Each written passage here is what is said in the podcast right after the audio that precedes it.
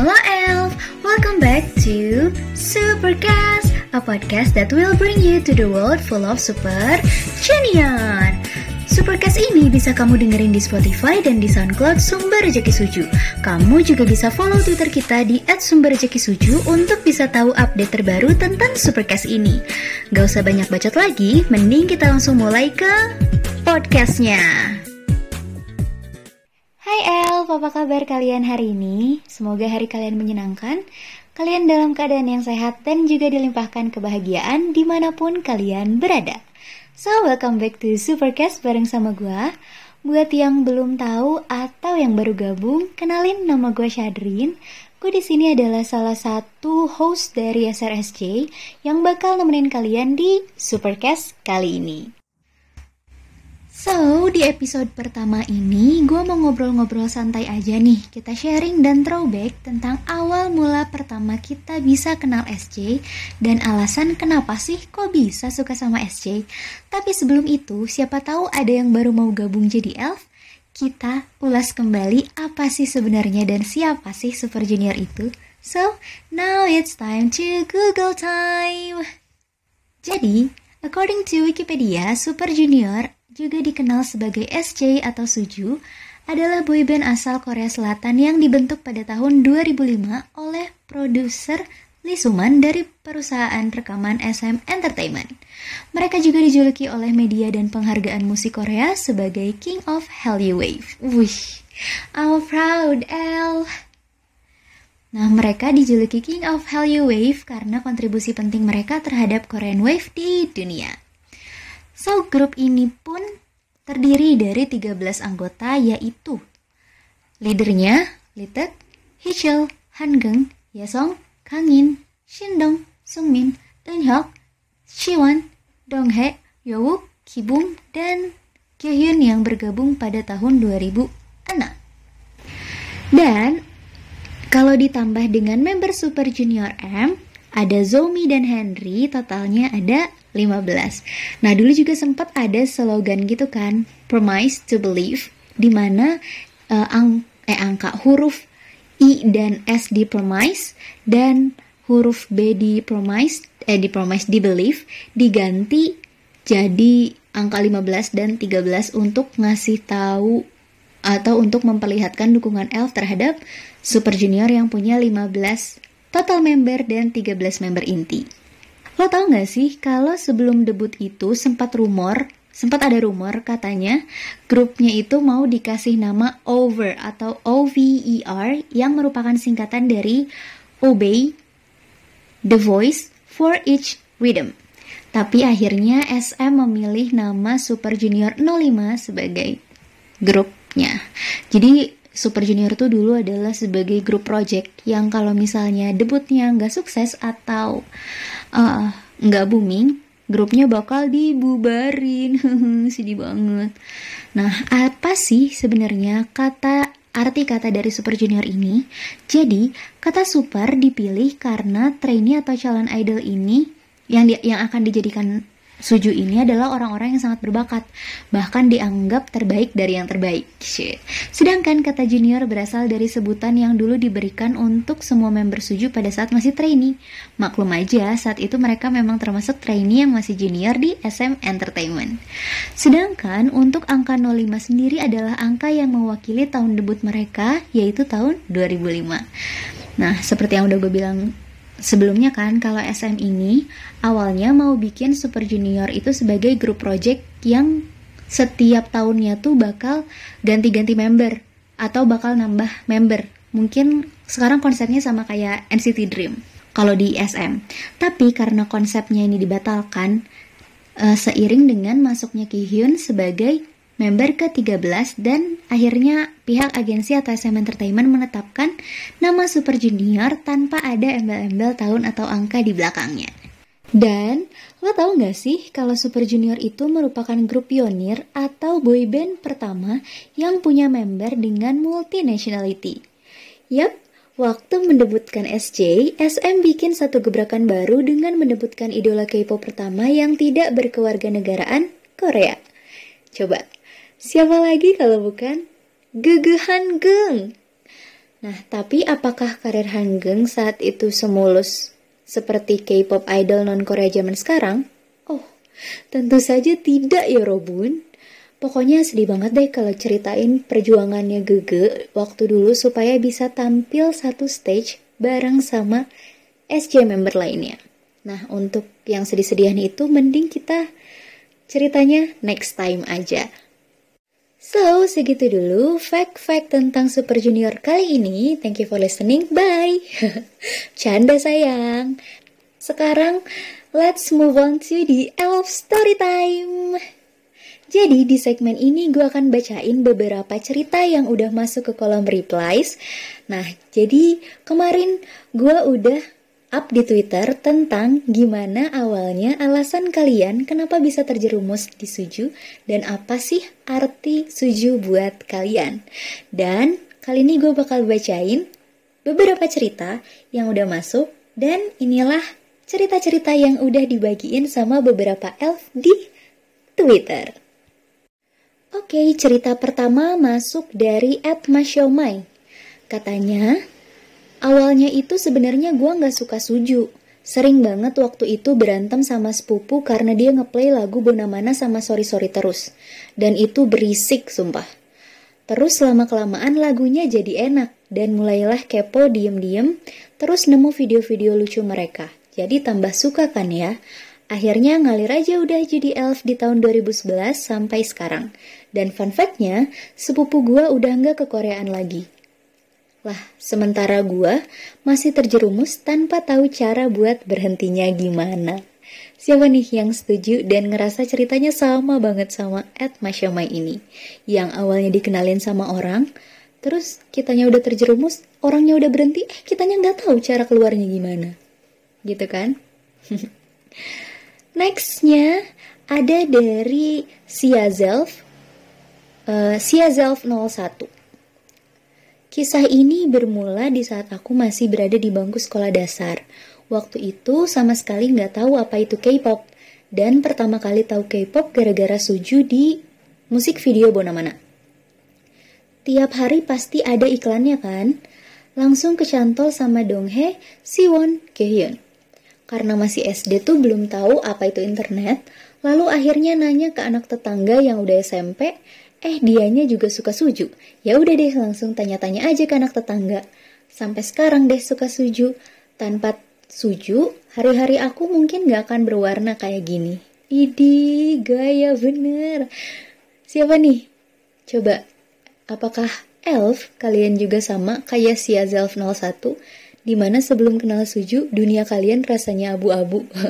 Setelah kalian kenal suju, dunia kalian isinya warna biru semua ya gak sih? Kayak gue tuh sebelumnya udah suka biru tapi pas suka suju tuh kayak semuanya tuh jadi harus warna biru tuh gak sih? Mempengaruhi psikis sekali Super Junior ini. Oke selanjutnya ada cerita dari Rapunzel awalnya mulai dengerin suju lagi pas zaman Black Suit. Terus ya udah cuma denger gitu-gitu aja. Terus pas pertengahan tahun 2018, emang lagi kacau banget akunya pengen ketawa pengen ketawa terus mau nonton Running Man malah kepencet Suju Return dan langsung kecantol sama Donghae. Suju beneran salah satu pelarian dan yang buat aku waras sih. Oh, gimana sih? Oh, Suju. sorry, sorry. Podcast is hard. Suju beneran salah satu pelarian dan yang buat aku waras sih. Kecantol sama mereka pas di titik terendah banget Selain doa dan orang-orang terdekat, Suju beneran ngejauhin aku dari pikiran pengen mati dan self-harm. Beneran buat aku sibuk cari tahu tentang mereka dan lupa sama hal yang buruk-buruk. Oh, dalam banget. Kepada Rapunzel di mana pun kamu berada, semoga kamu selalu bahagia terus. Terima kasih sudah bertahan sampai saat ini dan semangat untuk di kehidupan selanjutnya. Bahagia terus ya. Buat kalian semua juga buat semua elf di mana pun kalian berada. Bahagia terus, kita harus hidup. Kita harus hidup dan kita harus semangat karena kita punya tugas buat sayang sama Suju selamanya. Anjay, so sweet banget gak sih gue ya ampun. Oke, okay, nextnya ada ceritanya dari uh, Little Biol 93. Awalnya gara-gara dapat MV Super Junior M yang Supergirl dari sepupu. Lalu jiwa kepo itu menjalar dan akhirnya ubek-ubek mbah Google untuk memuaskan kekepoanku. Yang bikin mantap terjerumus ke dunia elf itu si Hyuk Sama nih kita nih, ya kan? Sama-sama sama Hyuk Gara-gara foto doang. Sekarang pun aku belum nemu itu foto lagi. Arti Super Junior buatku adalah orang-orang yang dikirim Tuhan untukku ketika aku kehilangan seseorang yang sangat berharga yaitu ayahku. Salah satu alasan untuk aku tetap bertahan hidup dan membawa kebahagiaan untukku setelah terpuruk kehilangan seseorang itu.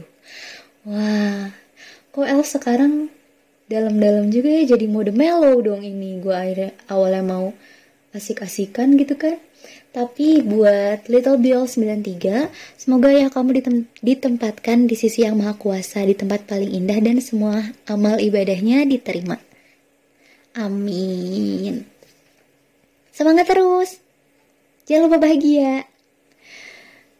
Terus nextnya ada at Donghae for Life. Awal demen suju pas SMP, punya teman kelas yang hobinya muterin lagu suju, Pertama denger kayak apaan sih lagunya, kagak ngerti bahasanya. Terus lama kelamaan kok jadi enak didengerin. Mulai dari lagu yang asik buat joget, sampai lagu yang balad gue suka. Terus sama teman gue dikenalin deh tentang Suju. Membernya siapa? Ah, membernya siapa aja? Tentu aja gue misuh-misuh karena mukanya mirip semua tuh kan. Bener gak sih apa kata gue? Gue bilang pas pertama kali gue kenal Suju juga bingung karena mukanya sama. Padahal mah beda semua gitu kan. Oke lanjut. Tentu aja gue misu-misu karena mukanya hampir mirip semua. Terus tiap ke warnet rajin downloadin MV mereka dengan resolusi yang sangat memprihatinkan. Si, bukan gue doang. Mungkin dari 2011 gue udah bener-bener sadar dan gue ngestan Suju sampai sekarang. Dan Suju banyak nemenin gue di saat belajar karena gue sukanya belajar sambil dengerin lagu. Belajar UN SMP, UN SMA sampai sekarang ngerjain skripsi ditemenin sama Suju. Gila, dong have for life. Temen nih, kita temen. Even gue aja di skripsi gue masukin nama Suju sama Elf cuy. Gila, dedikasi sekali gak sih sebagai seorang fans? Hihi. Oke, okay, next dari at Satellite. Bener-bener jadi elf itu setelah nonton MV Sorry Sorry. Dikasih tahu temen pas kerja kelompok di rumahnya. Gak tahu kenapa kok bisa bener-bener mutusin buat ngefans sama mereka setelah MV itu. Padahal setelah hari itu MV yang sering ku tonton tuh bon sering ku tonton tuh Bona Mana. Tahun sebelumnya juga sebenarnya udah pernah dikasih MV lagu sama foto-foto, sampai lirik lagu suju sama teman. Tapi aku masih nggak ngerti liriknya, masih asing aja. Tapi sebelum jadi elf tuh sebenarnya udah punya MV Miracle, Marry You, dan banyak foto member.